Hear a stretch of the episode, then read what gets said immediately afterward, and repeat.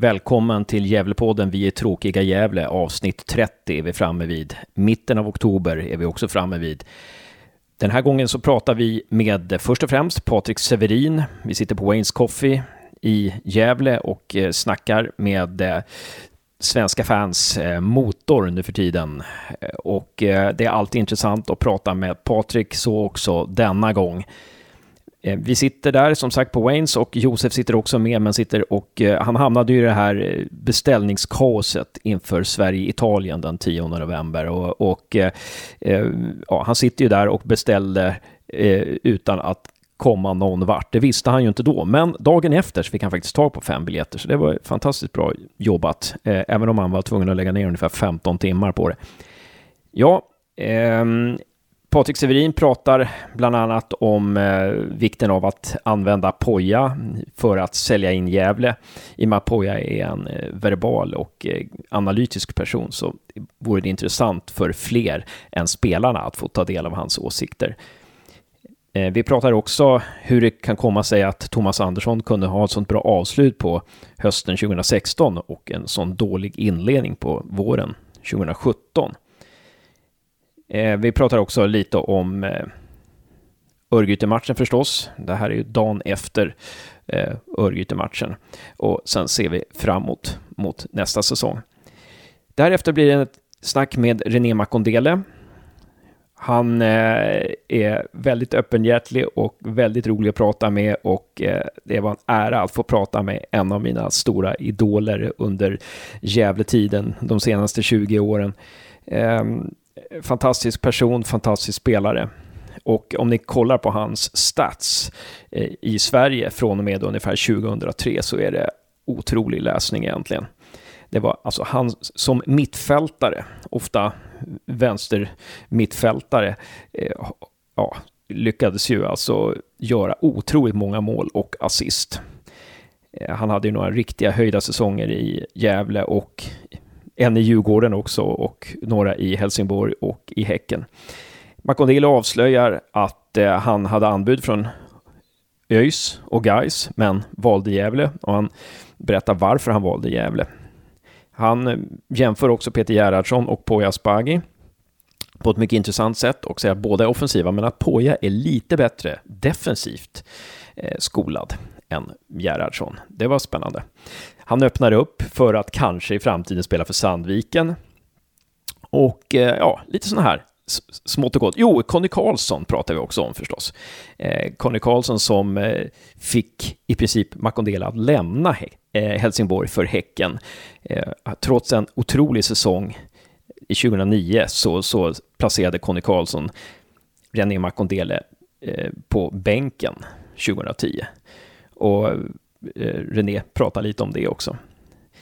Ja, vad, ska vi mer säga om Gävle? Vi ska säga det att det är match. Viktig, viktig match. Ännu en sån här nyckelmatch.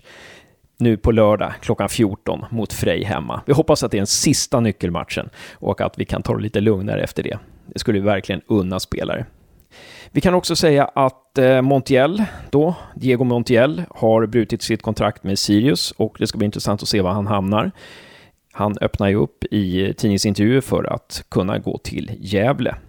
Ett tips som jag och Josef har är att Dalkurd ligger rätt bra till också. Niklas Spångberg heter nya assisterande tränaren i Gävle IFs damlag. Han eh, kommer alltså att eh, vara assistera där och eh, det tror vi blir en väldigt bra lösning. Det, det visar att Gävle IF satsar verkligen på damernas A-lag och eh, eh, det ska bli spännande att se vilka spelare som ansluter framöver. Vi vet ju att det är många som provtränar med damlaget just nu. Och sist men inte minst måste vi pusha för omröstningen av Gävles MVP, Most Valuable Player, som äger rum just nu på Svenska fans. Så gå in på Gävle Svenska fans startsida. Längst upp där finns det en länk till omröstningen eller det kommer dyka upp massa namn där. Så att ni kryssar för ett namn, det namn som ni tycker har eh, ja, utmärkt sig. Den som är Gävles mest värdefulla spelare. Gävle IFs herrar i A-laget alltså under 2017. När jag tittade nyligen så ledde Piotr Johansson före Bayram Majeti tror jag och Jonas Lantto låg trea. De tre utmärker sig på de tre översta positionerna. Det finns också en liten ruta ni kan klicka i där det står annan spelare. Och skulle det vara så att annan spelare får 20% eller 25% då eh, måste vi kanske göra en ny omröstning eh, och kolla upp vem den där andra spelaren skulle kunna vara. Men som sagt, gå in på eh, Gävles svenska fansida, www.svenskafans.com slash fotboll slash Gävle så hittar ni omröstningen där. Och det går att rösta både från dator och från smartphone. Ja, men det var väl det. Då är det bara att lyssna vidare. Ha en fin vecka och hoppas det blir en riktigt härlig lördag.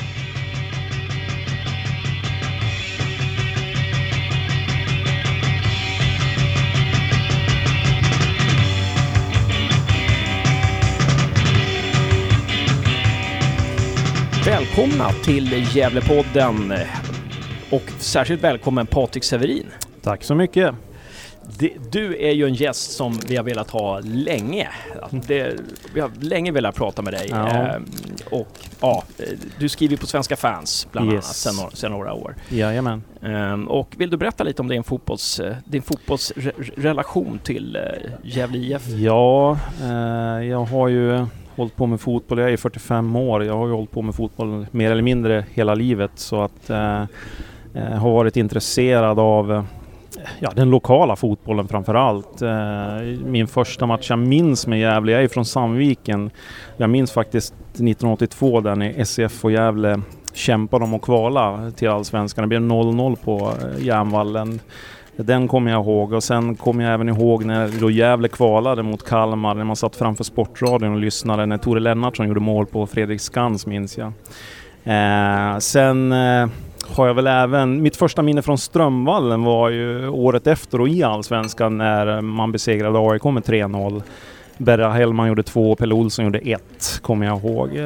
Sen har jag väl följt med Gävle, ja, från det fram till nu, mer eller mindre då. Blivit lite mer nu de senaste åren då. Ja. Så kan man säga. Och, och, du är från Sandviken och har lite hjärta i Sandviken också? Ja, det är väl jag och Pelle Olsson nu då som har hjärta för båda klubbarna kanske. Det, det är ju en viss konkurrenssituation däremellan naturligtvis, men eh, Eh, jag hoppas att Sandviken håller sig kvar också i division 1 här nu, för jag tror att det är bra för fotbollen i distriktet överlag och eh, då även för Gävle naturligtvis. Och, eh, det blir lite extra intressant nu när Pelle är där också faktiskt och det tror jag att de behöver. Men sen har ju vi våra egna bekymmer i Gävle som vi ska fokusera på här då. Men, men som sagt, jag, jag, är en... Eh, jag gillar de lokala lagen i alla sporter kan jag säga. Ja. Ja, himla kul det är att du är här. Det är väldigt roligt att läsa det du skriver på Svenska fans. det är alltid intressant eh, och det finns alltid en vinkel mot någonting. Sådär. Eh, och Eh, jag ska säga att Josef sitter med här också på Waynes, men han sitter och försöker köpa biljetter nu samtidigt till Sverige-Italien samtidigt som han äter en kycklingbagel.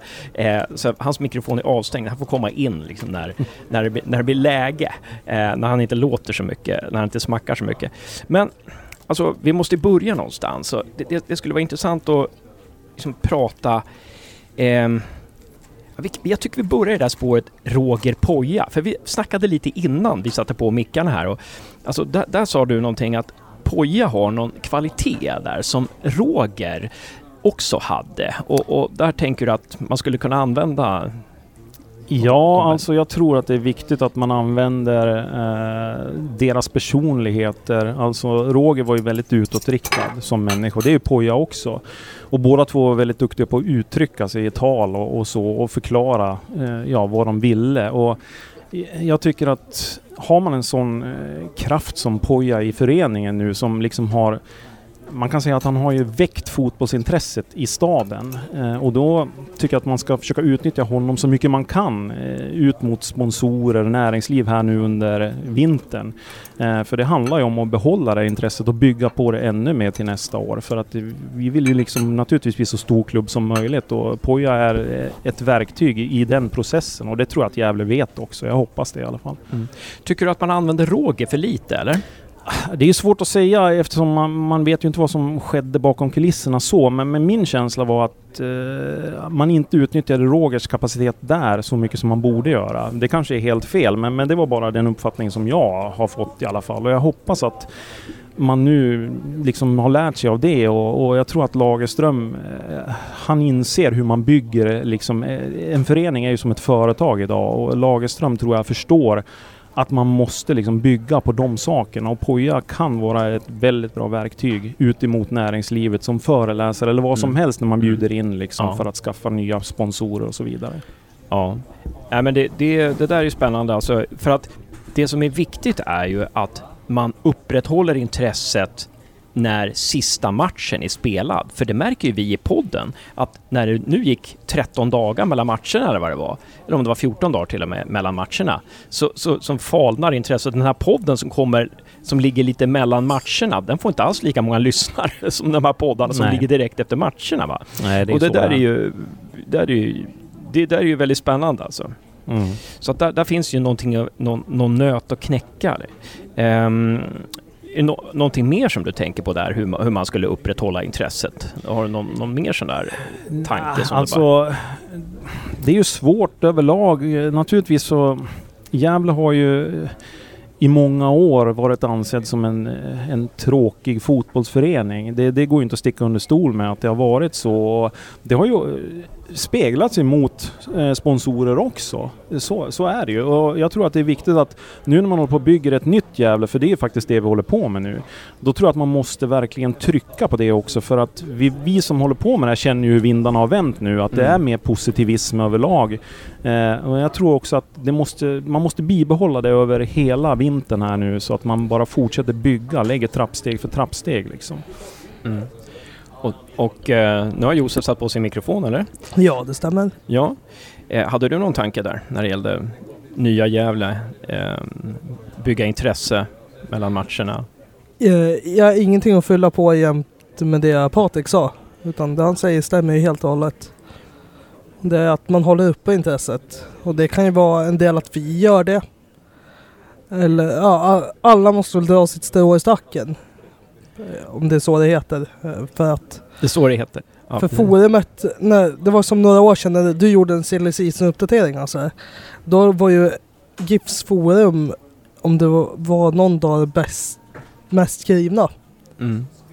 Det är lite sån där grej att man måste man måste nästan göra någonting dagligen för att mm. behålla intresset. Behålla S Silly season är ju en väldigt bra ingång alltså för att, eh, för att behålla intresset och där eh, kan det nog vara bra med lite öppenhet från Gävles sida där. Att vad är det som händer? Vad letar ni efter nu? Att man, att man hittar som, ja det här kan vi nog släppa till, till fansen.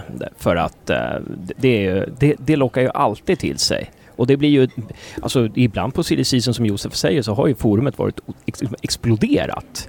Fast vi har gjort en ganska dålig säsong innan.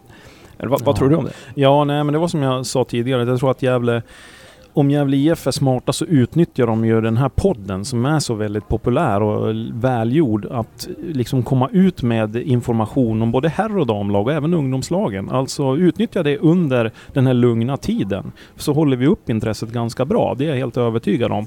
Och sen kommer jag ihåg inför första träningsmatchen i fjol om det nu var mot, jag kommer inte ihåg vilka vi mötte, men då bjöd man ju upp Thomas Andersson som fick stå och prata lite. Alltså sådana grejer måste man ju fortsätta, liksom bjud in medlemmarna liksom där och, och låt Poja stå och prata om vad man gjort och vad är målsättningen inför den här matchen och hela den biten. Alltså under hela träningsmatchperioden eh, så mm. kan man hålla uppe intresset genom att bjuda in medlemmar och eh, publiken till att lyssna på Poja kanske. Mm.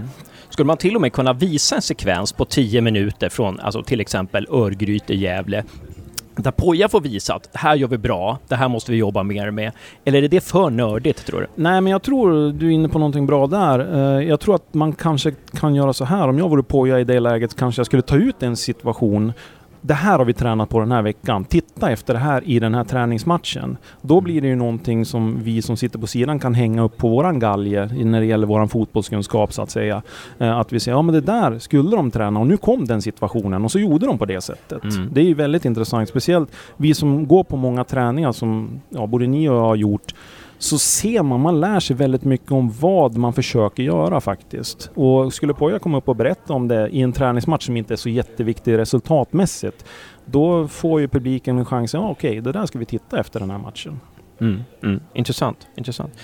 Sen, sen, var det ju faktiskt så att du var ju en av de första som hade dina dubier, dina, dina tvivel inför det här året med Thomas Andersson som tränare. För du var ju inne på det här att i superettan så krävs ett helt annat spel. Vi kan inte spela reaktivt, vi måste föra matcherna och du var inne på det här att även om Thomas Andersson gjorde en bra avslutning på på allsvenskan förra året med många raka segrar och sådär. tror eh, jag tror poäng i de sex, sex senaste matcherna.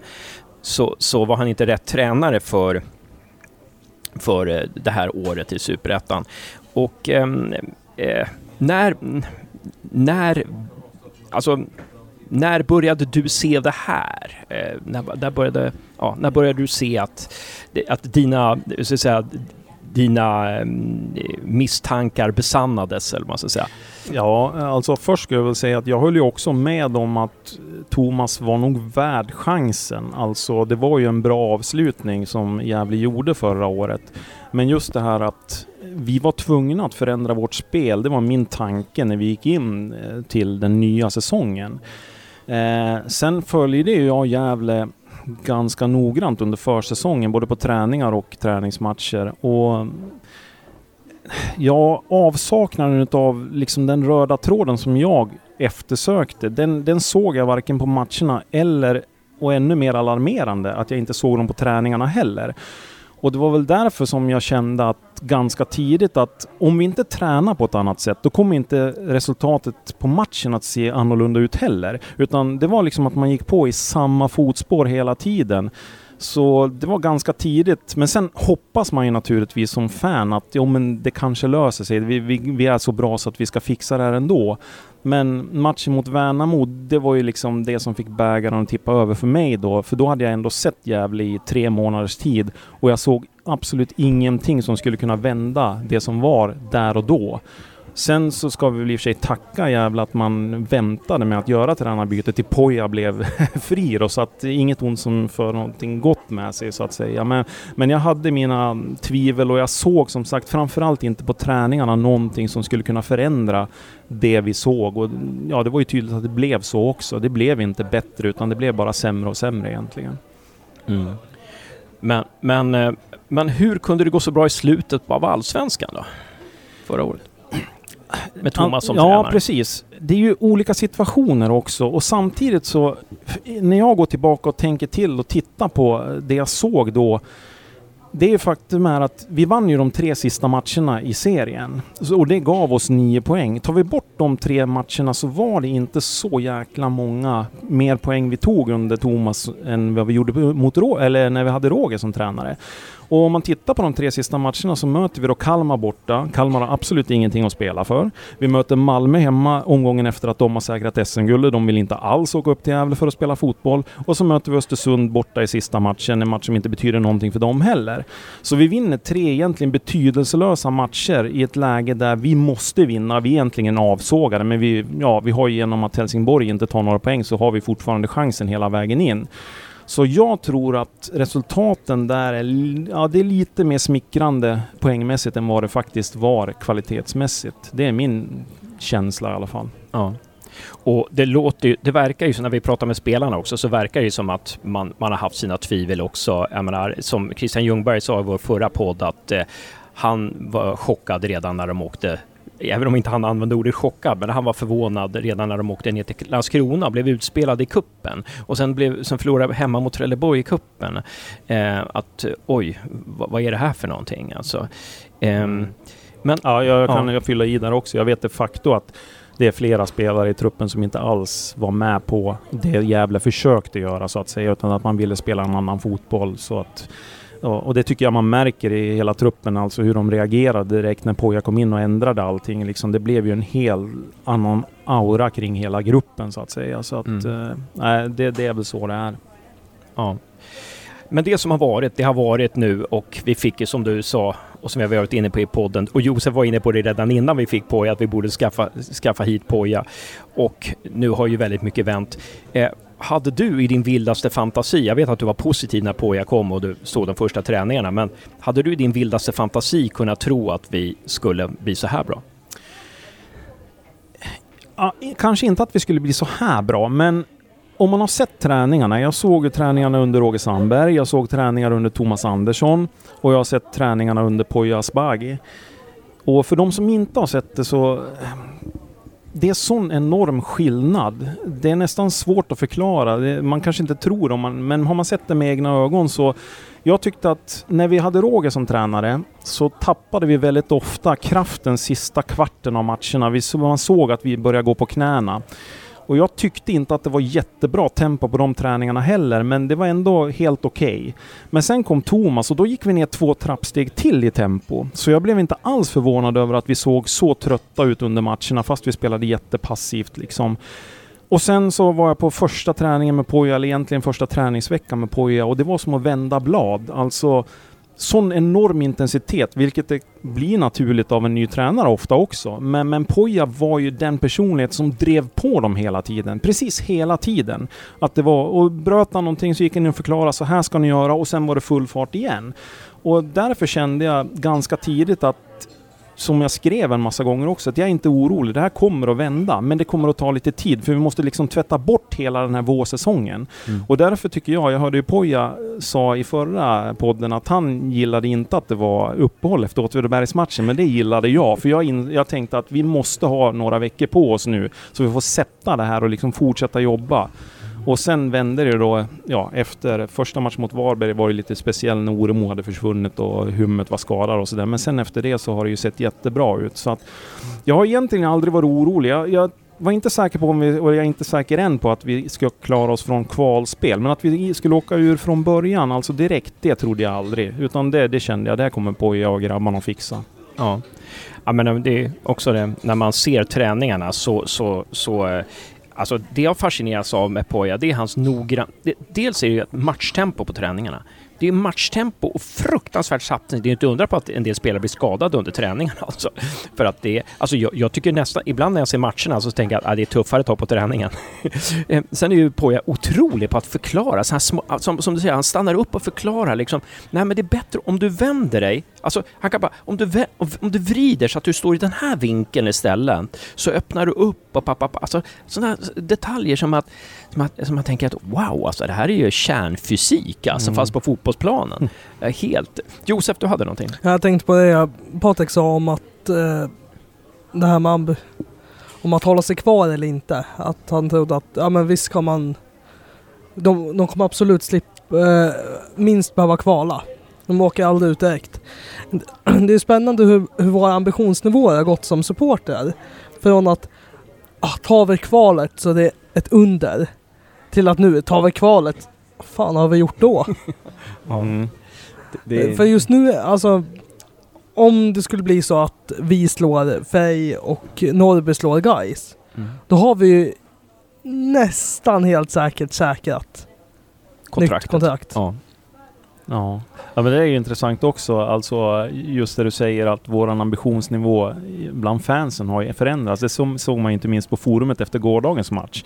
1-1 mot Örgryte borta och vi sitter och gnäller över att vi gör si och så. När det faktiskt är så att Örgryte har varit väldigt bra nu på slutet. De spöar Trelleborg hemma med 2-0. Sen har man spelat oavgjort mot Falkenberg och något bra lag till på Öster, ja, bortaplan. Och feldömd straff på, ja, på slutet. precis. Eh, de är väldigt bra just nu efter mm. deras tränarbyte. Mm. Så att eh, matchen vi gjorde igår, den var ju liksom, ja, den var faktiskt väldigt bra på det sättet. Men vi har en helt annan, ja men vi ska åka ner dit och vinna kände, kände vi liksom. Men mm. ja, som sagt ambitionsnivån hos oss fans har ju också stigit här ja. med, med framgångarna. Och Ajete gör mål igen. Han har gjort nio mål i serien nu. Han har gjort eh, ett till i kuppen.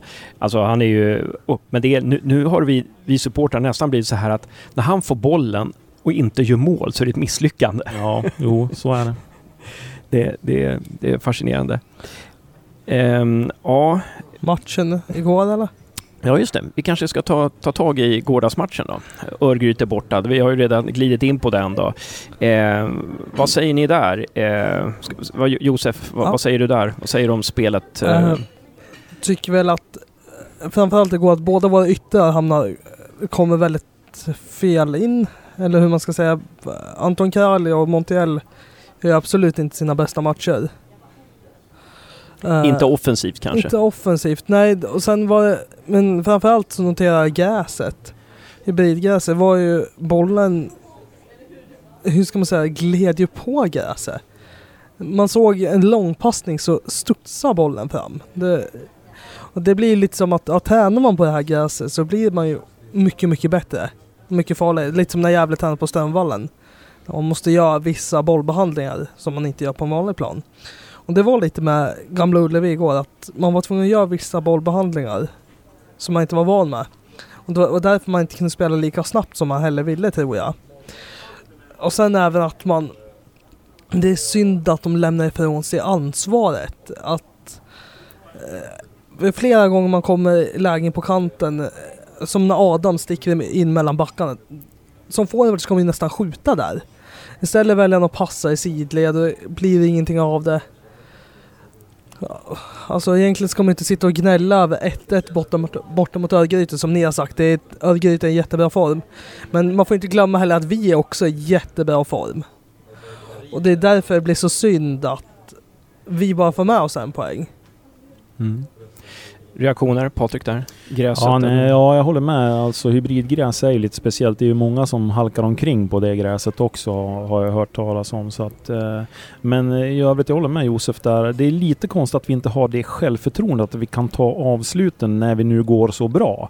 Det känns ungefär som att vi har ju, det är bara att köra. Alltså, Får vi ett skottläge så ta skott, men det är vi ju dåliga på rent generellt i Gävle också. Att vi vill gärna ja, rulla runt bollen en gång extra eller komma ut på kanten och slå ett inlägg. Eh, vi måste kunna våga ta avslut mera för tar man ett avslut så man får så många bra effekter då, utav att ta ett skott också för att dels så förhindrar man ju motståndaren från, från att få ett omställningsläge också. Alltså i sämsta fall dödar du bollen genom att den går ja, utanför då. Men då hinner du ställa om till försvarsspel och börja därifrån.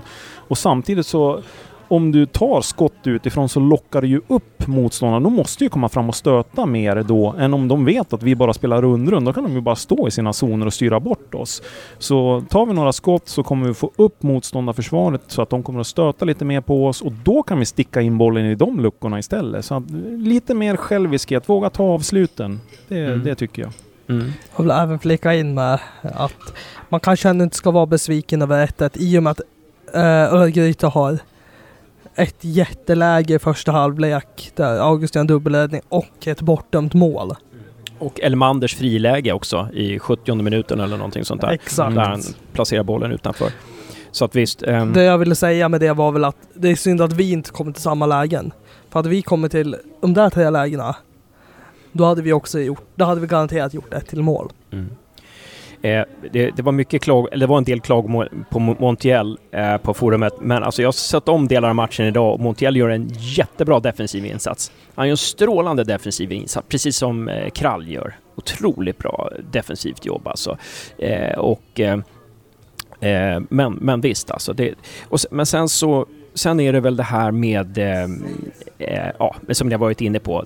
Eh, men, men, men det som, alltså jag tycker vi gör en bra defensiv insats också. Det, det som straffar oss, det är att vi som Poja brukar säga, vi tappar bollen vid fel tillfällen. Alltså, vi, vi, istället för att gå på avslut, som ni är inne på, så, så spelar vi snett inåt bakåt och bäddar för massor med kontringar. Alltså. Ja, man bjuder ju in motståndaren till att få omställningslägen. Alltså när man tappar bollen så är det ju alltid. Därför så är det ju, man vinner mycket på att ta ett skott och komma på avslut.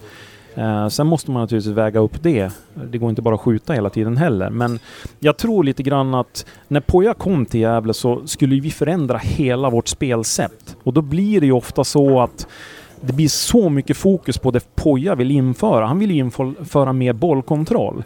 Och då kan det bli så att det, det är bara det som fastnar i skallen på spelarna också. Att nu, Mm. nu ska vi hålla i bollen. Mm. Och då blir det att man kanske överdriver det innan man hittar den här balansen. Mm. När ska vi gå med en snabbare boll framåt? Och om man har varit på någon träning som jag då har varit så säger Poja ofta att första tanken ska alltid vara spel bakom motståndarnas eh, backlinje om, eller på en forward, om det finns ett läge till det. Mm. För att det är ju snabbaste vägen till, till en mm. målchans. Ja. Eh, så att man jobbar ju med de här sakerna också, men alltså det tar ju tid innan det sätter sig. Vi ska ju veta, Gävle har ju spelat på ett och samma sätt mer eller mindre, förutom under ett år under Roger kan man säga. Att bollen ska ut på kanten och sen ska det komma ett inlägg. Så det tar ju tid, men vi har ju spelarna nu som kan spela en annan typ av fotboll. Och de kommer, och det har ju visat sig redan nu, och det kommer att bli ännu bättre när Poja har fått ett, ja, en vinter på sig att träna på det här. Mm. Nu, nu nu sörjer man ju. Tänk, ja, tänk om eh, den här tiden som har varit. Tänk om Poja hade kommit in 2009 till exempel, när Gärnt var i hög form eller någonting sånt där. Vi hade ju väldigt bra lag, alltså må många intressanta spelare då. Eh, vi hade Bapupa som var en av seriens bästa eh, mittfältare och, ja, och så vidare och så vidare. Så, så att eh, Um, ja, dels det, men även om Gavlevallen hade kommit in vid den tiden. Uh, för jag vet när Roger kom första året där på Strömvallen, då vet jag att Roger jobbade jättemycket med passningsspel, att vi skulle spela upp. Men han fick ju överge det för att planen var för dålig. Vi satt oss i så dåliga situationer hela tiden så att vi var tvungna att börja spela de här långa, raka bollarna igen. Så det har ju också en väldigt stor betydelse för hur man ja, kan spela fotboll. Och Gavlevallen har ju varit fantastiskt på det sättet. Men det var, det var också som jag skrev i någon ilsken krönika där i våras när jag sa det att det är ju för jäkligt att man ska sitta och se varje motståndarlag komma hit och spela upp bollen medan vi inte kan göra det. Men nu kan vi ju göra det, så att vi har ju liksom kommit dit och till och med gått förbi några, eller ja, många lag med vårat spel nu och det är bara att hoppas att vi fortsätter på den här vägen. Mm. Ja. Eh, ja, men då, då, har vi pratat om Örgryte-matchen där och eh, vi, vi eh, ja, det, vi, vi, är ganska nöjda med en poäng verkar det som ändå och vi anser att Gävle har gjort en ganska bra match trots allt. Men det fan, finns lite grejer att fila på. Eh, men alltså, om vi backar lite det här med Roger, för Roger vill ju spela en annan typ av fotboll. Han vill ju gå ner på trebackslinjen när vi anföll till exempel och lite sådana här saker. Um, tror att det hade gått annorlunda för Roger, vi sitter på Waynes här, det är därför de håller på och bankar. Det är, inte, det är inga fans som håller på utan. Uh, uh, nej, men tror du att det hade gått annorlunda för Roger med hans typ av fotboll om han hade haft ett annat spelarmaterial?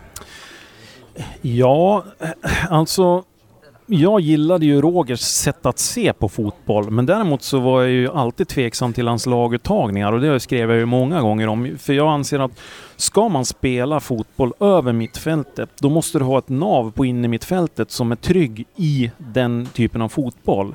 Och när vi spelade med Robin Nilsson och Anders Båt på innermittfältet så fick vi inte den motorn tyckte jag i alla fall. För mm. Robin han ville flytta bollen gärna från ytterback till ytterback. Det, det var de passningarna han trivdes med och var trygg med. Och Båt var inte heller någon spelare som kunde liksom vrida och vända upp med bollen. Vi, vi har ju andra spelartyper nu i laget, så att... Men det får väl Roger ta på sig lite också, för jag tyckte även att Kwame Bonzo fick ju inte alla de chanserna som han kanske skulle ha fått i, i den rollen. För han var ju ändå en spelare som kunde ta emot bollen och var trygg med att ha en spelare i ryggen. För det är inte alla som är det liksom. Utan mm. har du en spelare i ryggen och du blir av med bollen, då har du en omställning på det. Men Kwame mm. Bonzo var ju tryggare än både Båt och Robin på det mm. spelsättet. Mm.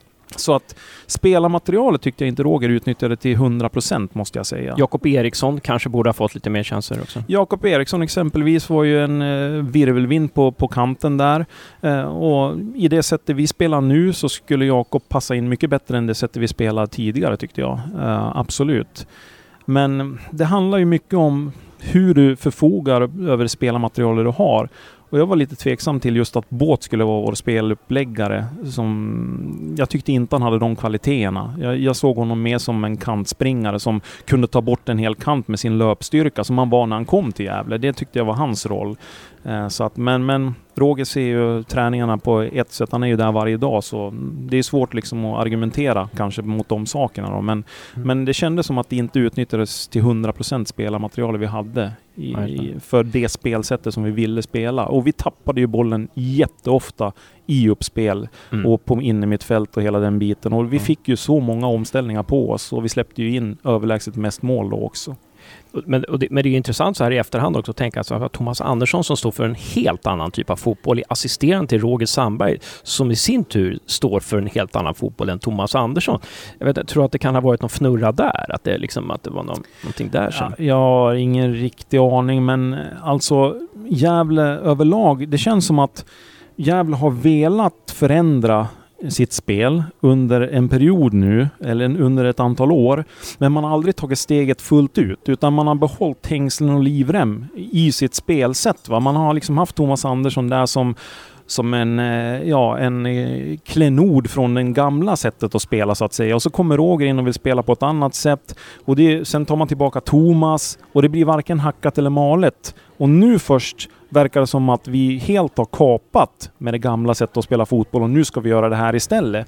Och ska man göra en förändring då tror jag att det är vägen att gå. Att du verkligen försöker klippa banden med det gamla och göra någonting helt nytt som, som man verkligen tror på. Mm. Och, och, det känns ju väldigt bra inför framtiden. Jag tror att man kommer att fortsätta på samma spår. Mm. Och, nu har man ju verkligen klippt också. Man har ny ordförande och ny, ja, man har sportchefsråd och ny klubbdirektör och ny tränare och assisterande och allting sånt där. Eh, så det ska bli spännande att se. Men om vi ska se framåt då. Först det här återstoden av säsongen. Eh, ja, hur, hur, ska vi tänka under återstoden av den här säsongen? Eh, behöver vi vara oroliga eller vad tror du? Nej, jag håller fast vid att vi inte behöver vara oroliga. Eh, det finns ju ingen anledning när vi har varit det mest formstarka laget nu under så lång period. Ehm, guys Gais Åtvidaberg-matchen, den förändrade ju ganska mycket i bottenstriden, lär man säga. Ehm, det var väl också lite grann därför som både Gävle och Örgryte var ganska nöjda med en poäng igår, för att den tog man ju en poäng på Gais då. Och speciellt som Gais och Norrby nu möts i nästa omgång så är det ju väldigt spännande matematik. Eh, för Gävles del så nu har vi satt oss i en position där vi har två hemmamatcher i rad. Vi möter Frej och sen möter vi eh, Degerfors. Degerfors. Mm. Eh, och efter det så möter vi Brommapojkarna i sista matchen i en match där jag är helt övertygad om att Brommapojkarna har säkrat sitt avancemang till Allsvenskan redan. Så vi har ju lite grann samma läge som förra året där med att vi möter ett lag då som inte har någonting att spela för i sista matchen. Så där tror jag säkert att vi också kan ta tre poäng om vi behöver. Men nu har vi liksom skaffat oss det läget att två hemmamatcher, två segrar på de matcherna och sen är det klart. Eh, jag tror inte att vi kommer att misslyckas med det. Eh, och sen ska det ju till mycket, även om vi skulle, inte skulle vinna båda de matcherna så ska ändå de andra lagen ta poängen. Men, men det skulle kännas mycket bättre om vi löste det på egen kraft. Så vi slipper sitta och vänta eller hoppas på att Norrby eller Gais ska förlora. Utan vinna de här två matcherna nu mot Frej och Degerfors så uh, får vi en härlig avslutning på året. Verkligen. Ganska viktig match ikväll mellan Syrianska och BP. Och, eh, vore bra om BP vann den matchen. Dels så att de rycker och nästan klara och dels att Syrianska blir lite avhakade där. Eh, Frej nu på lördag då, klockan två. Eh, vad blir viktigt mot Frej, tror du? Frej har ju också faktiskt varit väldigt bra nu på på hösten. Jag tror man har tagit 18 poäng. Jag satt och räknade på det där i eftermiddag. Jag tror de har tagit 18 poäng, så de ligger så här för typ femma i hösttabellen eller något sånt. Eh, de fick in en massa spelare de också under sommaruppehållet här, sommarfönstret. Ehm, men jag, Gävle ska inte göra som man gjorde mot Norrby, där jag tyckte att mot Norrby då la man spelplanen efter Norrbys styrkor. Jag tycker Gävle ska lägga spelplanen efter sina egna styrkor helt och hållet. Vi spelar på hemmaplan, vi är kanske bästa laget i Superettan utnyttja det liksom. Gå på, vi vet hur vi vill spela. Låt Frej rätta sig efter oss istället så kommer vi att vinna den här matchen. Det är jag helt mm. övertygad om. Jag tycker, sätt hög press. Vi är som mm. bäst när vi sätter hög press. För mm. då får vi med oss farten i anfallsspelet när vi väl bryter bollen. När vi backar hem och spelar ett lägre försvarsspel så har vi svårt att koppla om och få farten med oss framåt. Vi blir gärna hängande kvar i, i låga positioner då. Så att eh, spela det egna spelet, mm. utnyttja det vi är bra på mm. och sätt full fart, sätt press på dem. Ja. Det är intressant det här nu säger med Norrby, om vi ska backa till den, för då var ju du riktigt, vi hade lite mailkontakt där i början av matchen och du var riktigt förbannad där eh, i början. Och vad var det du irriterade dig på då? Nej men först, det första jag såg, för när vi åkte till matchen så tänkte jag så här, för att Norrby, de är ju bra framåt men de är dåliga bakåt. De gör många mål, de släpper in många mål. Så jag tänkte att spelplanen i den här matchen måste vara upp och sätt press på dem, för då kommer vi göra 4, 5, 6 mål. Det var den tanken jag hade.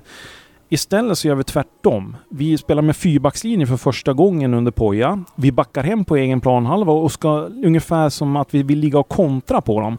Men Norrby är ganska bra framåt, så det innebar att vi bjöd in dem till att lyfta in bollar mot vårt straffområde i den matchen. Och mycket riktigt så utnyttjar de ju de chanserna också, går fram till 2-0 läge. Sen gör vi ju ja, ett litet, ja, vårt enda hörnmål som jag kan komma ihåg när Piotr skickar in returen där. Och vi får ju den där livlinan som vi behöver och i andra halvlek då kopplar vi om. Då sätter vi press och vi kan ju göra många fler mål än de två vi gjorde i den andra halvleken. Och jag tyckte att så skulle vi spela från början så jag blev irriterad på spelplanen. Nu ville de väl inte spela så defensivt som det blev, men det är typiskt. Det hade vi sett under hela våren, hur vi backar tillbaka och då blir vi passiva och vi får inte med oss någon fart alls när vi ska framåt sen, utan vi bara tappar bollarna och det händer ingenting. Så jag var riktigt irriterad där på, på läktaren faktiskt, just på spel, spelsättet vi ja. hade i den matchen. Så jag hoppas att vi spelar offensivt och trycker på nu mot Frej. Ja. Det var lite så här, Poja är en väldigt tänkare, så här, analytisk person samtidigt som han är en känslomänniska. Men han är väldigt analytisk. Jag tänker på eh, Rickard Norling är, lite likadan. En känslomänniska men också väldigt analytisk. Och sådär. jag vet att han fick kritik från AIK-fansen under hans under sin första session att han, han höll ju på att plottra för mycket. Liksom. Han, han skulle tänka ut, varenda match skulle vara ny, skulle vara ny analys. Liksom. Var, det det att, var det för mycket tanke och för lite känsla i den där Ja, jag tror, att, tror jag. jag tror att uh, du har helt rätt i det. Jag tror att man tittade på, det här är Norrby bra på, uh, men vi ska försöka kontra på dem istället för liksom att titta, vad är vi bra på? Liksom. Och vi har ju varit som bäst när vi har kommit med fart och tryckt på. Det, det, det, känner jag är vårt spel med det här laget. Och då kan vi liksom hålla bollen på deras planhalva. Absolut kan vi stå och rulla runt bollen där. Men då trycker vi tillbaka dem hela tiden och ställer en fråga till dem istället för att vi ska backa tillbaka och kontra. Sen har det ju varit matcher som mot Falkenberg borta. Då funkar det jättebra med kontringsspelet. Så att alltså det handlar ju om hur man utför det också. Men jag, jag tyckte att matchplanen där mot Norrby, den var, den var lite tveksam faktiskt. Man skulle ju unna det här laget att få säkra det här före Degerfors eller före BP-matchen. Man skulle unna det här laget som har varit under otrolig press hela året att få liksom spela ut mot BP borta. Att liksom bara få spela. Fy fasen! Ja. ja, det har ju varit från första till sista matchen. Nu har det ju varit pressat. Det, så är det ju. Eh, samtidigt så har vi ju vuxit med det också nu när Poja har kommit. Att vi, vi hanterar ju den pressen och Poja är ju väldigt duktig mentalt. Det, det har man ju sett och eh, ja, det känns som att spelarna är mycket, mycket lugnare och tryggare i alla sina roller nu än vad man var tidigare där man, man såg ju liksom hur tyngden på axlarna fanns där. Och nu trots att vi fortfarande måste vinna matcherna så känner man inte att den tyngden på axlarna finns på samma sätt längre. Och det måste ju tillskrivas Poja och Mackan hur de har jobbat med laget, absolut. Mm. Kul att du nämner Mackan också. Det skulle vara väldigt roligt att, att prata med honom i någon podd. Särskilt som han och Poja känner varandra sedan tidigare. Och, eh, eh, ja, men det, kan, det kanske får bli efter säsongen. Vi får se. Och man är väldigt nyfiken på det och det kommer han ju aldrig avslöja, det som vad Poja säger till laget. De har ju en samling 20 minuter innan avspark där de står i en cirkel och Poja pratar. Och det jag inbillar mig det är att han säger någonting om det här med mentala, alltså, alltså mentala, att eh, alltså, lägg fokus på rätt saker och eh, tänka att det här är bara ännu en match eller någonting sånt där. För det, det känns som att vi alltid går in väldigt avslappnat i, i början av matcher. Det känns som att vi är väldigt avslappnade. Ja, vi är väldigt avslappnade. Jag tror att hela laget skulle skriva under på den beskrivningen. Att man, man känner att vi kommer att klara det här. Det var ju samma sak som i, i, i paus där mot Norrby. Så var man inne i, i omklädningsrummet då och liksom, ja men vi kommer att vända det här. Det är, bara vi gör det vi ska så kommer vi att vända. Jag kommer ihåg att Lanto sa det efter matchen och det är väl den känslan. Den känslan tror jag inte de hade i våras. Hade de de legat under mot Norrby då så hade de inte gått in med känslan att det är lugnt, vi vänder det här. Utan då hade man liksom haft den här tyngden på axlarna istället. Det här blir jobbigt. Det är Ungefär så. Mm. Och eh, jätteintressant Patrik. Vi ska snart avsluta det här, men måste komma in lite på nästa säsong. Där vi, vi har varit inne på det lite när vi har pratat om eh, liksom, att använda poja, upprätthålla intresset genom att prata om silly season, se till att eh, det inte dör intresset under den här perioden mellan säsongerna. Men ja, nästa säsong, då vi vet ju att ja, det är 90 säkert antagligen att Ajeti försvinner. Montiel vet vi inte, men går väl antagligen tillbaka till Sirius. Kanske bryter kontraktet med Sirius och går till Dalkurd, vem vet? Ehm, ja, och sen, men, men ehm, vad, vad, vad, behöver vi, vilka behöver vi behålla och vad behöver vi ha in? Har du någon? Ja, alltså först så spelar vi klart den här säsongen nu och går in till nästa säsong med enormt självförtroende. Eh, fördelen vi har och det är jag ganska övertygad om att vi har en fördel. Det är att Poja har ett väldigt bra rykte i, i fotbollssverige nu. Det, vi har ju hört spelarna i laget säga, som Rauschenberg sa ju att Poja är den bästa tränaren han har haft. Och det, det, den känslan tror jag många spelare i, i truppen har. Och det sprider ju sig naturligtvis. Eh, vi vet att Lagerström sa till förra året att det finns många spelare som vill komma till Gävle. Och om det fanns många spelare förra året som ville komma till Gävle så borde det vara ännu fler den här säsongen som väljer att vilja komma till Gävle så att säga. Eh, men sen vet vi ju inte, vi vet inte vad vi har för ekonomiska förutsättningar och hela den biten. Men eh, att man måste ta in de spelartyperna som vi ska ta in är de som ska spela den här fotbollen. Det, och det har ju Poja jättebra koll på. Eh, det är väl, jag misstänker att det är han som ligger bakom de flesta utav de som har kommit hit till nu. Och ska vi ersätta de som försvinner, ja då är, måste vi söka rätt spelartyper helt enkelt. Och, och där känner jag att både för Lagerström och de tog in bra spelare som Piotr och Hymmet redan innan Poja kom. Så att det finns bra med kapacitet där på, både på och på sidan av plan för att få hit bra spelare. Det är jag övertygad om. Eh, så fortsätt jobba på det sättet. Titta hur vi vill spela. Vi vet att vi har många försvarare vars kontrakt går ut. Vilka vill vi behålla? Vilka kommer hit? Alltså det jag saknar lite grann, det är ju, jag skulle vilja se en spelare i försvaret som är väldigt duktig på skallen. Alltså en nickspecialist. För vi blir satt under press när motståndarna har frisparkar och hörnor. Där är vi inte duktiga. Vi såg igår, gjorde Örgryte mål. Eh, och vi skapar väldigt lite själva också. Vi har ju ingen, vem är vår bästa huvudspelare? Är det Rauschenberg eller vem mm. är det? Han, mm. Och han är ju inte liksom jätteduktig på skallen om man, om man jämför med många andra som är... En, en som har väldigt bra timing, den som har nästan bäst timing, det är Jonas Lanto. Ja, han är väldigt bra på huvudet. Fast faktiskt. då är han 1,40 lång istället. det är ju ett problem liksom. Men, men absolut, och det var väl Oremo var ju väldigt duktig. Han hade ju också en väldigt bra timing. Men när han försvann så tappade vi lite där och naturligtvis kommer vi att välja att spela mer efter marken, men vi måste ändå se till att vi har bra huvudspelare. Samuel Gussman, som jag tror väldigt mycket på, är ju ganska reslig. Eh, vi får se om han kan utvecklas det brukar ju ta lite tid när man har varit skadad som eh, talang att komma tillbaka, men jag hoppas att han håller ihop nu och får träna ett, en, en hel vinter under Poja så tror jag väldigt mycket på honom till nästa år. Och han, han är reslig så han borde kunna nicka bort lite bollar. Ja. Målvaktssituationen, vad tror du? Andreas Anderssons kontrakt där? Ja, det där är ju svårt det där. Man vill ju spela i Allsvenskan naturligtvis, men samtidigt sitter man på bänken i Allsvenskan eller spelar från start i Superettan. Vad väljer man som, som målvakt? Eh, Bertilsson har ju lite grann samma situation. Har ju suttit mycket på bänken. Nu gjorde han väl två mål sist här. Eh, men ja, vad vill man göra? Vill man sitta på bänken i, i Allsvenskan eller vill man spela från start i Superettan? Ja, jag vet inte. Eh, vi får se. Jag tycker ju att August har ju spelat upp sig väldigt mycket eh, jämfört med hur det var. Han hade nog också väldigt tufft med självförtroendet där i våras. Det syndes ju tydligt, men han har spelat mycket bättre nu och, och Frodig har ju storleken. Eh, sen är det klart att det tar något år för en målvakt att utvecklas, så att det blir intressant att se. Eh, min jag tror inte att Andreas Andersson kommer tillbaka, det tror jag inte. Men eh, ja, vi får avvakta och se. Mm. Och vi har en bra mittfältsdynamo på mitten där med Ljungberg som eh, kommer ta över i stor stil. Och din favorit Adam Bergmark Wiberg kommer ju blomma ut ännu mer nästa år och kommer bli en av våra nyckelspelare, helt klart alltså. Ehm, men sen är det frågan vilka som går. Ja, om, eh, vad tror du om Dennis? Dennis har ju kontrakt, Piotr har kontrakt. Och kan, kan vi förlora båda eller? Ja, eh, alltså grejen är ju, det är klart att jag skulle bli väldigt överraskad om inte allsvenska lag åtminstone tittade på Dennis och Piotr exempelvis. Eh, Piotr är assistkung i vårt lag eh, och har ju en väldigt hög kapacitet. Eh, Dennis naturligtvis också. Det ryktades ju redan i somras om besiktas där. Jag vet inte hur mycket sanning det låg i det ryktet, men absolut så måste ju de vara intressanta för klubbar högre upp i seriesystemet.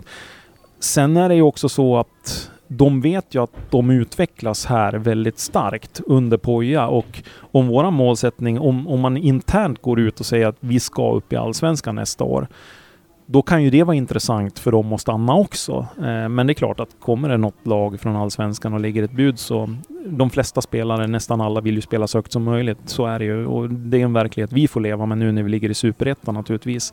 Eh, men som sagt, tur att vi har kontrakt med dem så att vi får betalt i sådana fall. Mm. Väldigt bra. Ja, men eh, då tror jag faktiskt att vi är klara här. Vi ska kolla med Josef. Eh, vi ska kolla med Josef här. Har du lyckats köpa biljetter? Uh, jag fick ner två vaderkorgen, sen kickade de ut mig så... Ja, de, de kan inte ligga kvar där? Uh. Nej, det är, det är väldigt, väldigt svårt just nu men de har inte fått upp försäljningen än. Och då är klockan 17.30 när vi spelar in. Ja, det har gått en och en halv timme sedan de släppte biljetterna och det verkar inte ha sålt så många biljetter. Inte Nej. en enda biljett verkar ha gått, förutom Nej. förköpen. Ja, just det. Så därför ber jag om ursäkt dig Patrik att jag inte var så närvarande när du är med för första gången. Ja, men jag gillar att prata så det var bara bra. ja, just det. Ja, men, eh, jag och Josef kommer igen. Vi ska på träningen. På torsdag har du fått svar från Poja där? 12.30. 12.30 tränar de. Okay. Eh, stort tack Patrik. Är det någonting du vill lägga till? De tänkte att ja, men det här hade jag velat prata om också. Nej, det, jag vill bara säga det att eh, jag prat, eller vi skrev lite grann innan säsongen. Jag frågade dig alltså, om du ville börja skriva igen på Svenska fans, för jag kände mig lite ensam där. Och då sa ju du att ah, jag är intresserad av att dra igång en podd istället, sa du. Eh, och det var ju väldigt bra att du gjorde det, kan man säga. Det har ju blivit en väldig succé och det var fantastiskt kul att få vara med en gång här också. Eh, och jag hoppas att ni fortsätter och orkar producera den här så mycket ni hinner. Och en gång i veckan har ni gjort det hela tiden nu, om jag inte misstar mig. Så att, eh, eh jag är mycket imponerad av ert jobb. Och fantastiskt kul att få vara med som sagt. Mm. Och tack för att du ville vara med och eh, vi vill gärna ha med dig många gånger framöver.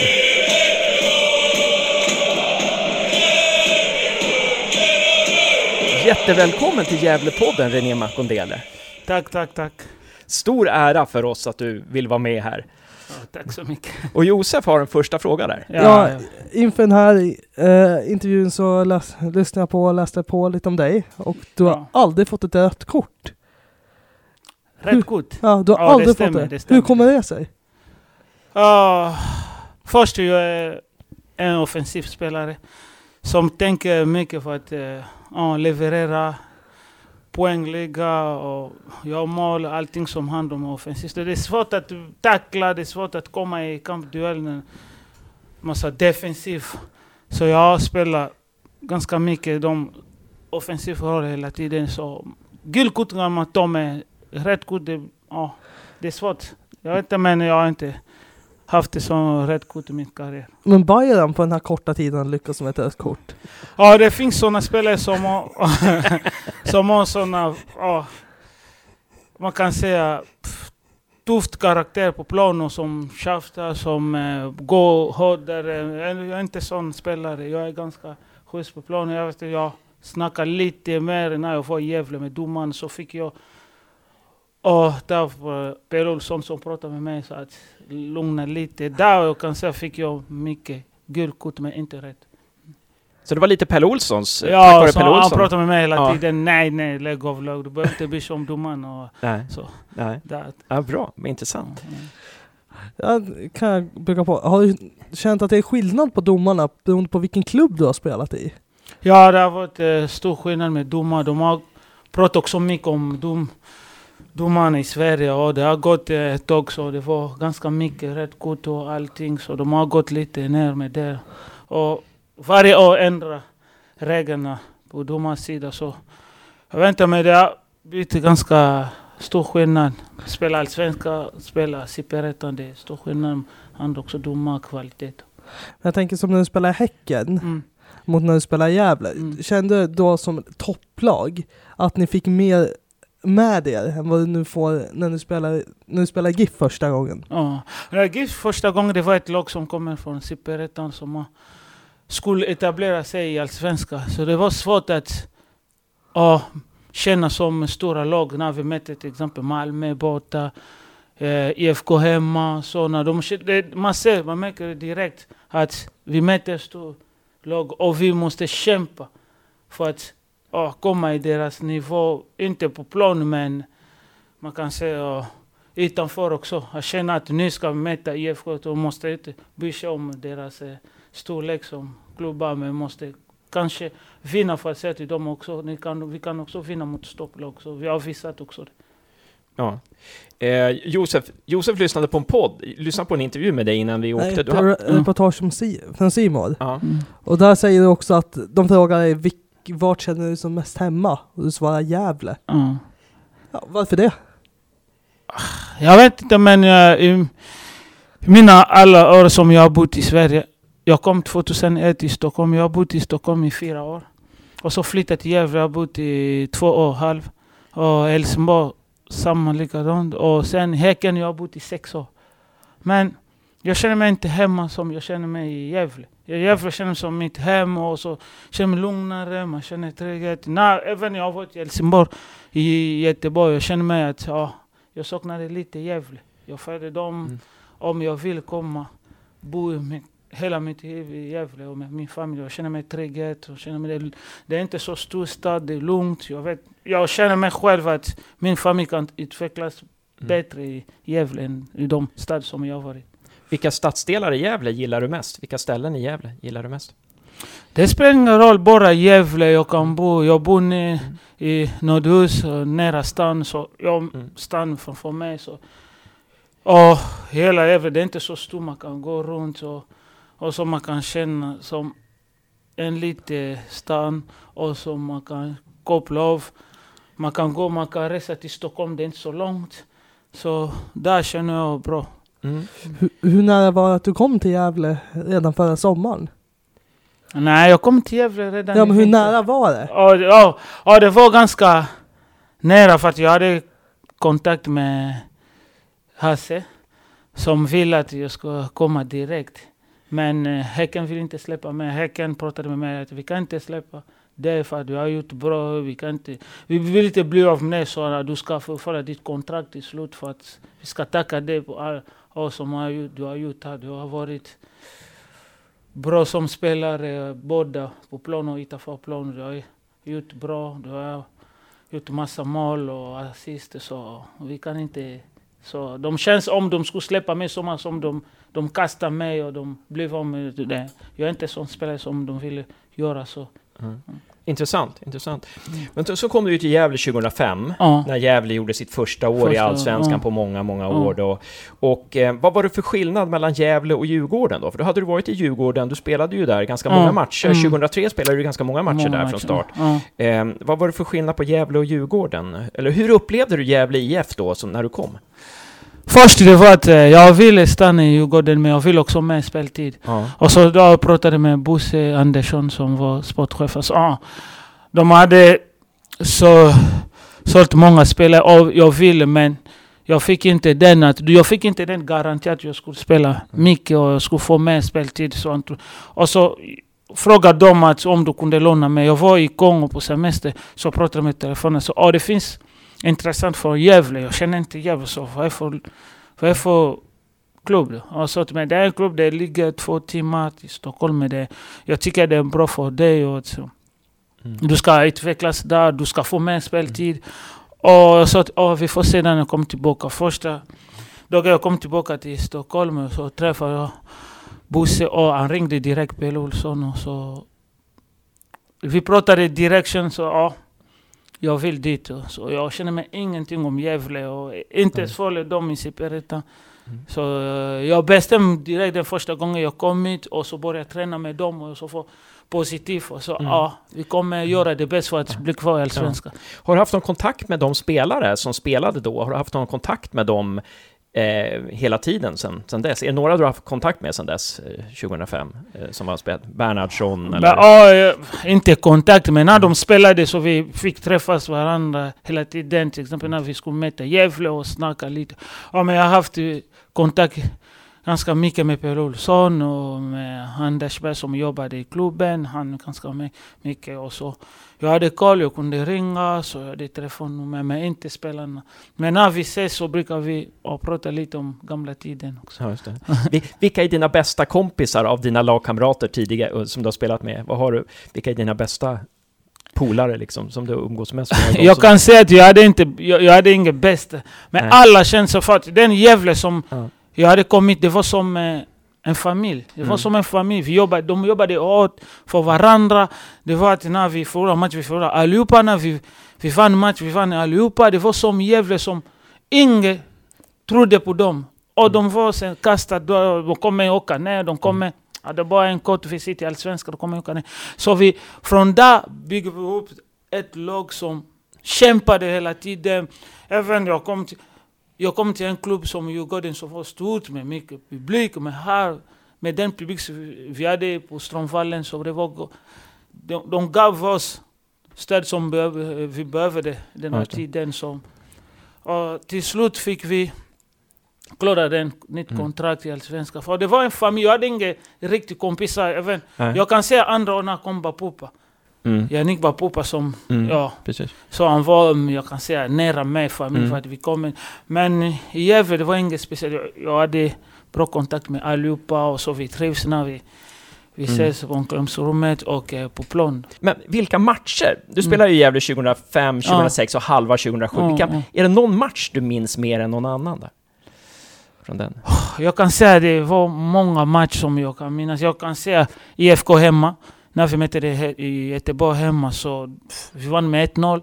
Så det var en sjuk match. Vi gjorde en riktigt bra match. AIK hemma, vi vann med 3-2. Jag har inte spelat den matchen som jag kommer minnas i mitt liv. Vändning mot Malmö hemma. Mm. Foxlin gjorde tre mål. Så det... pff, det det är ingen som trodde. Nej. 3-0 i första Nej. och sen vi vände med 4-3 hemma. Mot ett topplag? Mot liksom. ett topplag som Ja. Malmö. Ja, så det, vi, vi har spelat hem, bort också mot Malmö. Mm. Så vi vände också 2-0, sen vi vände till 2-2. Ja. Så det finns, vi gjorde ganska många matcher Ja. som ingen trodde att Gävle skulle göra det. Ja, just det. Till slut gjorde vi. Mm. Jag sen- kommer ihåg ja. en match framförallt från dig. Det var 2007, precis innan vändningen, då du Mm. mot Brommapojkarna blev Ja. 1 ett tror jag. Ja. Då slår du ett inlägg direkt i mål. Eller Ja. det ser ut som ett inlägg fast det är nog ett Ja, skott. ja, jag, Kommer du ihåg det? jag kommer ihåg. Var det ett skott eller var det ett inlägg? Ja men det var, det var... Jag, jag trodde jag var på kanten och försökte trycka sådana hårda inlägg mellan, men det gick till målet. Så ibland är det så. Man får, efter det man får jubla bara. Man tänker inte på vad jag har gjort. Då. Men det var inte medvetet att jag mål? Nej, det var inte. Ehm, ja, för det var ju lite av ditt, din specialitet. Du sköt Mm. från, o, från o, oväntade håll. Ja, du sköt, liksom, Ja, mm. Men du har ju fantastiska sta statistik i Allsvenskan sedan dess. Mm. Du, du gjorde ju åtta mål 2006 Ja. för Gävle. Mm. Du hade ju några gånger, jag tror det var 2010, 2012 i, Mm. Eller 2010 och 2008 i Helsingborg gjorde du väldigt många poäng. Mm, mm. Sen hade du några väl, alltså nästan alla dina säsonger i Häcken var väl, Mm, gjorde mm. du väldigt många poäng där. Mm. Ehm, vad, vad, vad säger du om eh, vad säger du om Häcken då? Om vi skulle jämföra Häcken och Gävle där. Eh, det som, om vi skulle jämföra träning, träningsfaciliteterna där, som, som Mm. sätten att träna på och sånt där. Ja, man kan säga Häcken... eh, Alla har pr- har pratat om Häcken som en liten klubb. De vet själva, de kommer... De försöker bygga för att de ska få mycket respekt från motståndare. Har, de har de fått också under de åren som jag har varit där. För att vi hade en tränare, Peter Gerhardsson, som när vi skulle möta till exempel Stol och prata mycket om respekt. Du ja, alla vet att vi, vi, vi är inte som Malmö. Nu vi ska möta Malmö. Alla, alla, allting kommer ligga åt Malmös sida. De är stor. Men det där vi ska visa på plan. Det är tvärtom. Det är Mm. tvärtom vi ska bygga. Det Vi ska bestämma liksom. det är vi som Ja, ska bestämma, det är ja. vi som ska pressa dem, det är vi som ska Mm. kontra dem. Det är vi som ska försöka lira än dem. Det är där vi har försökt bygga hela tiden. att Ska, motståndare ska respektera oss på plan också. Det som jag märker nu med Gävle nu, under eh, Pojans gång här i Gävle, att ja, prata mycket om respekt. Vi vet att vi ligger i sista där. Vi vet att de kommer säga Gävle, vi kommer slå Gävle. Nu från första minut, vi ska visa dem det är en annan Gävle. Det är vi som ska lira, det är vi som ska kon- det är vi som ska pressa. Och visa dem, aj, det är inte det det är inte det vi tänkte. Så börjar de fundera, så vi ska ta över en match och vi ska försöka kontrollera matchen. Det är den som vi har försökt bygga i Häcken, att vi ska vara topplag. Oavsett eh, hur kommer de fansen spela, eller vi möter Malmö, IFK. Det är vi som ska kontrollera matchen, det är vi som ska lira fin fotboll på plan. Låt dem sjunga bollen, vi vinner boll, vi sätter. Mm. Det är vi som ska passa eller och försöka till slut vinna matchen. Det är det vi har visat. Och jag tycker att eh, Häcken har kommit till den nivå. Mm. Som ni när man ska möta Häcken, man vet usch, vi möter ett topplag. Mm. I Allsvenskan, vi möter ett lag som vi måste respektera. Mm. För annars åker vi med sex mål som vi har vunnit eh, i många matcher i Häcken. Men ja, Men Peter Gerhardsson eh, Mm. eh, står för ganska offensiv fotboll. Mm. Hur skiljer han sig från Poja som tränare? Vad är skillnaden mellan Poja och Peter Gerhardsson? som jag säger, jag märker de, är, de jobbar ganska likadant. Men de vill offensiv, men de bygger för att pressa högt och vinna bollen högst upp så man kan börja där. Och speluppbyggnad uh, eh, uppbyggnad från uh, backlinjen, det sker med passningsspel. Med fart, med mycket rörelse på planen, en som droppar ner, släpp och så. Det är samma idé, det är samma taktik oavsett. Vi, vi spelade i Helsingborg med, ja, med Häcken med 4-2-3-1. Här vi spelar med 3-5-2. Så det är den typ av fotboll som jag eh, spelat i Häcken. Det är mycket rörelse på plan, mycket vändning, mycket boll. Och vi vill vinna högst upp bollen och så börja där. Sätt. Men, är, det, är det intressant? Är det någonting som är o, men är det någonting som o, Poja är olik Peter Gerhardsson på? Är det någonting som han... Ja, det är defensivt. Det är defensivt. Poja är ganska noggrann med defensivt. Mm. Hur ska vi stänga dem? Hur ska vi vinna bollen?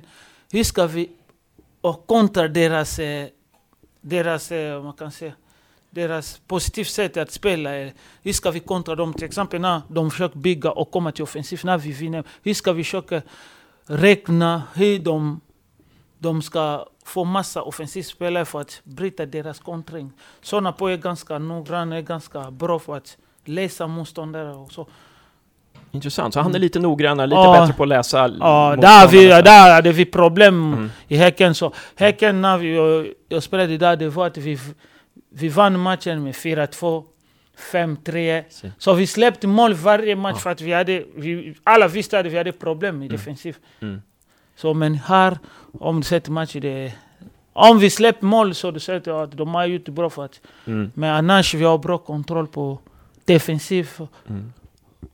Vad säger du om målet som vi släppte in mot Örgryte senast? Den här nicken från straffområdet. Var det, var det ett försvarsmisstag eller var det... Man kan, man kan, vi kan inte säga att det var ett förs, eh, försvarsmisstag där för att det är en fasta situation. Det handlar om att kroppsinställning när bollen äh, slås och hur vi agerar i luften. Han var också lång, jag vet inte hur lång han är, men han är ganska lång och han fick inte hoppa för att se. Han stod och nickade. Det är ingen som var där för att knuffa lite, för att sätta honom i balans. Men det är svårt att säga. Det är mål som... Han fick bra nick och Mm. det gick till målen. Men det var att vara noggrant i fasta situationer och försök, eh, om man har en sån lång spelare, försök ha en spelare som, som kan sätta honom i balans.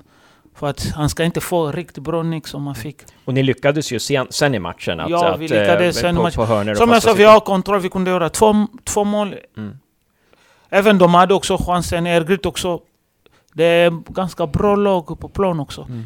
Som jag, jag trodde inte de skulle vara så bra där. Men, eh, Mm. Och individuellt skickliga spelare och rutinerade som Elmander på plan som Precis. vet precis. Nu spelade inte du matchen, men hur var hybridgräset där? I, den här, det där gräset på... Ja, jag Du var, ju, spelade du där. var ju med och värmde... Ja, du har ju spelat där Jag förut. spelade där förut. Men och- hur är det? För det är, det är 95% gräs och 5% Ja, eh, konstgjord. Ja. Men jag tycker de har lyckats med den. Det är ganska okej. Så man kan lira fotboll. På, när vi var där, när vi mötte guys där, det var ganska fin plan där. Och nu det var okej så man kunde lira fotboll. Det är det som är bra. Jag tror de har, ja, de har lyckats med den. Och jag hoppas de kan behålla den så, så fräsch som det har varit. Mm. Ja, precis. Men så om vi går tillbaka till Helsingborg där. Mm. Eh, bara, för att, se, se, vi, Josef, du funderar lite kring Conny Karlsson där. Ja, eh, Det var väl så att du blev petad av Conny Karlsson. Ja, ja. På vilket sätt tänkt, passar, han, passar du inte in i hans spelsätt? Det vet jag inte faktiskt. Jag har tänkt på det hela tiden. Jag, jag kan inte svara på det, för det är bara han själv, Conny, som kan svara på det. För att en spelare som har spelat i nästan alla matcher, så kommer en ny tränare som petar det. Han själv som bäst. I den här branschen, fotboll, ibland är det så.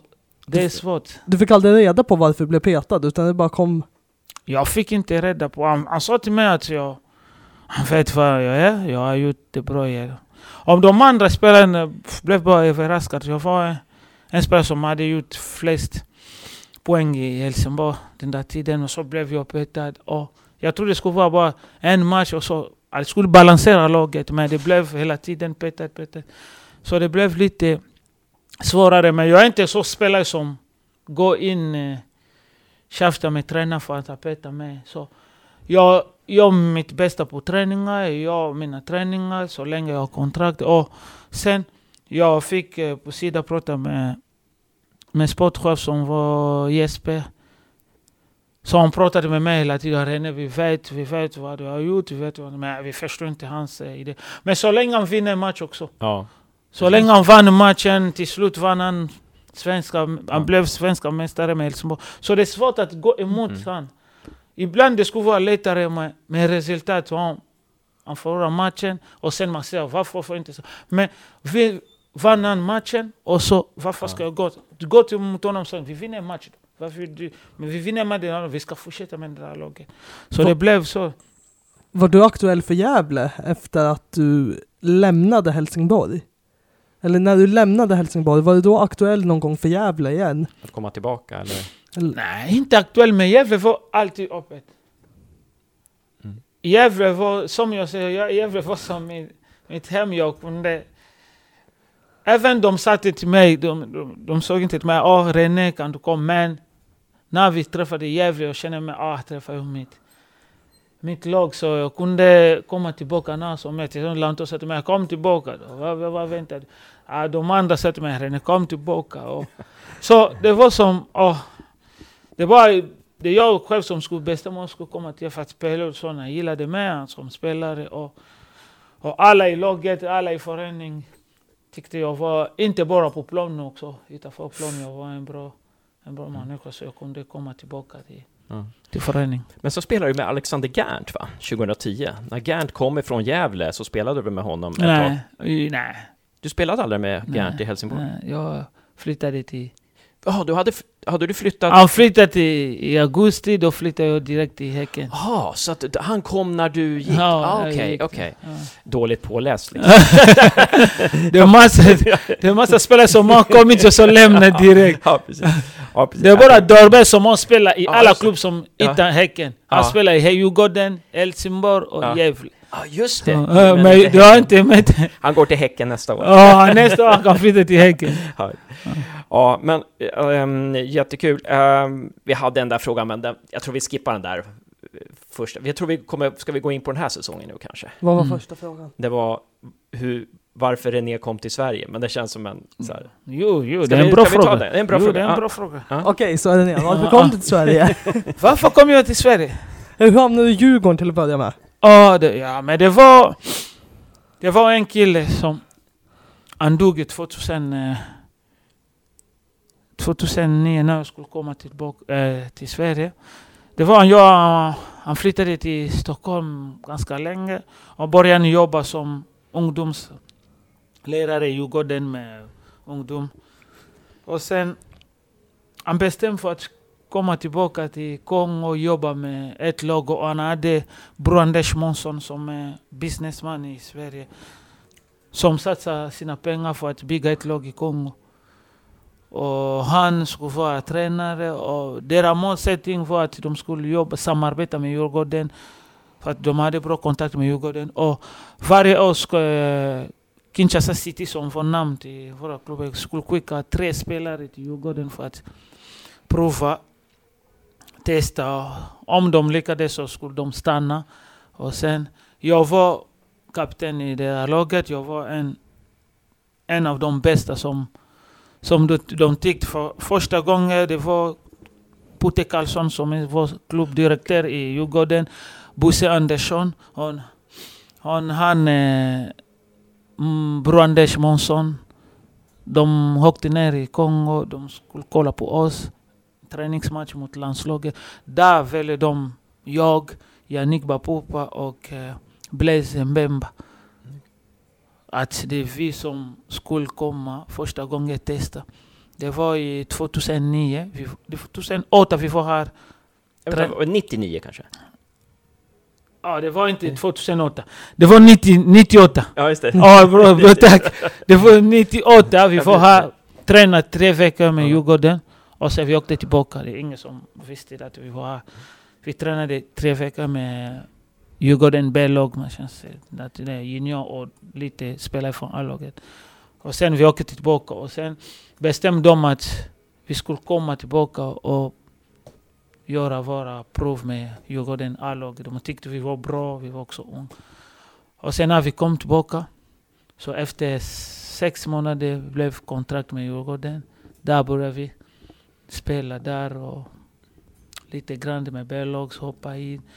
Jag blev till och med utlånad till Verta, ett lag som var i division 1 Okay, i Stockholm.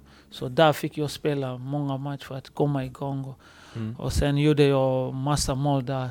Djurgården tog mig och första match, jag kommer ihåg jag gjorde min första upp mot Norrköping hemma på Stockholms stadion. Gjorde jag mål direkt.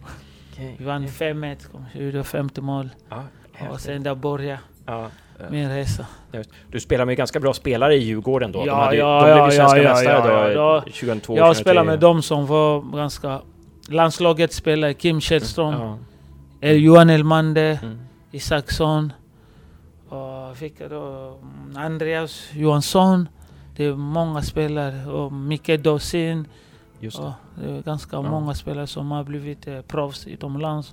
Mm. Ja. Har du haft någon kontakt med dem eh, senare? Elmander och Isaksson? och när vi ses, till exempel när vi var i, mot Ergryte, vi fick prata lite med honom. Vi Mm. pratade om läget och Mm. det med familjen. Och, ja, ska du bo kvar i Stockholm, äh, i, i Sverige? Sådana. Men inte riktigt kontakt. Ja, just det. Ja, just det. Ja, men intressant. Och sen så kom du hit till den och här sen säsongen. kom till Gävle och sen Gävle, Helsingborg som jag... Ja. Ja, det, Precis, det var också ganska... Tre riktigt bra säsonger i Helsingborg. Spela Europamatch och, Ja. och det var ganska bra i Allsvenskan också. Så medan de andra blev proffs i Djurgården så kom du till Gävle. Ja, tänk då. För mig var det redan proffs. ja, precis. Precis. sant? Jag var redan proffs. Ja, precis. Jag spelar i Sverige så det, det är proffs. Mm. För att jag kom från ett land som fotboll... Det är, ing, det är stort men Det är inget betalt. det är inget betalt. Man spelar sitt liv gratis. Och man får inga pengar. Efter träning går hem. Efter, och men sen när, till exempel man får ett lag i Sverige. De tänker att René har blivit proffs. I Kongo blev René, jag blev direkt kallad till landslaget och började ligga med landslaget. Så det, Ja. det är så det, Ja. ja. man kan säga. Ja, det är så himla kul att du för du är verkligen en legend. Du är vår idol i Gävle IF, René. Ja. Det är väldigt roligt att du, att du ställer upp här. Och vi måste prata lite om den här säsongen. Nu har vi fått lite frågor från fansen här. Okej, Mm, eh, vi ska se här. Jag har, har de här. mm. Eh, då är det... Då är det en signatur, signaturen Nyfiken Blå Mm. i forumet skriver Mm. eh, eh, Varför valde du att komma tillbaka till Gävle? Det kanske du har svarat på redan. Jag har redan Ja, det- svarat på ja. den, för att Gävle, det... Ja. Ja, Hade du några anbud från andra klubbar innan när du skulle gå till Gävle? Ja, ja men det är många klubbar. Det är inget, inget som, framförallt i Superettan, ingen skulle tacka nej. Jag hade redan bestämt, så till exempel i, i Göteborg, jag hade Ergrit som de hade, Marcus Land som jag spelar med Mm, i Helsingborg som hade pratat med mig lite grann. När han var i, på Bravida och kollade på Häckens match. Åh, vad känns det? Och om, om du känns du ska så det bara kontakta mig så vi kan läsa det. Intressant. Guys också skulle Mm. inte tacka nej. Ja, det, Ja, just det. men jag hade redan bestämt. Precis. Och Så så nu- får du inte så mycket speltid här. Precis, och det, Mm. det är nästa fråga från, Ja. eh, från Nyfiken Blå här. Hur ser du på din roll idag? Alltså att du, som Josef är inne på, du får inte fått så mycket speltid Ja. och det, det är en ganska ny erfarenhet för dig att inte vara startspelare. Hur, hur ser du på det? Ja, som jag sa, med mi- ålder också, man må ibland acceptera den då. Acceptera att vara där som eh, rutinerad spelare. En spelare som har mycket spelare. hjälp de andra till exempel. Och på matcher till exempel, om jag får inte spela, jag, bo, jag måste bara vara positiv.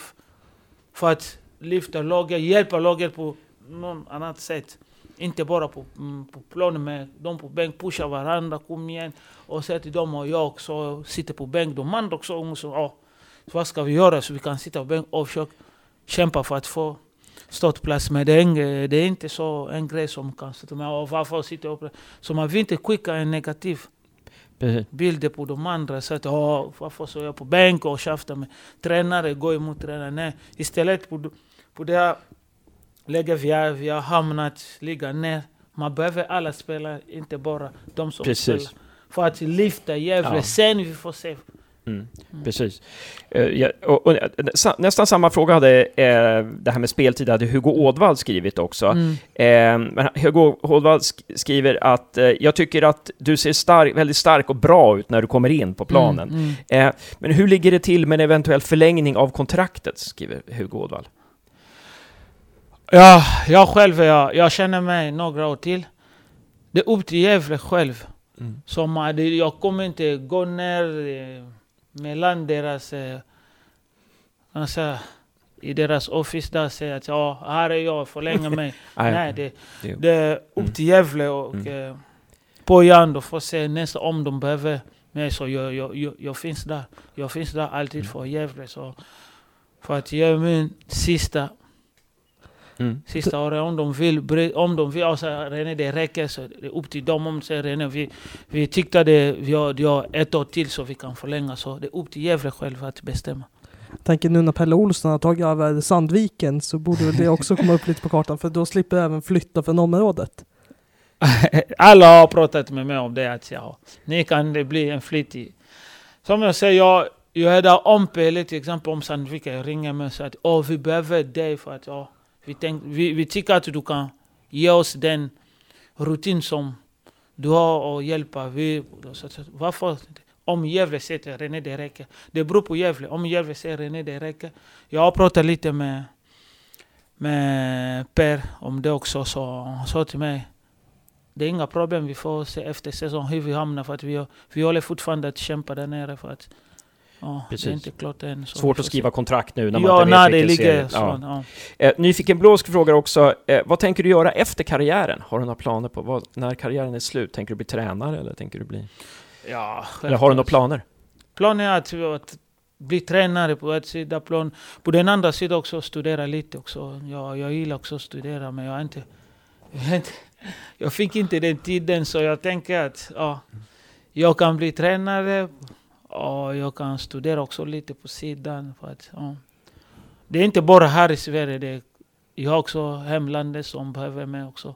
Så att säga, hjälpa de ungdomar att komma till Sverige också till till exempel som jag, jag fick den hjälpen också. Jag vill också på den andra sidan kanske hjälpa dem som är bra, som vill komma vidare.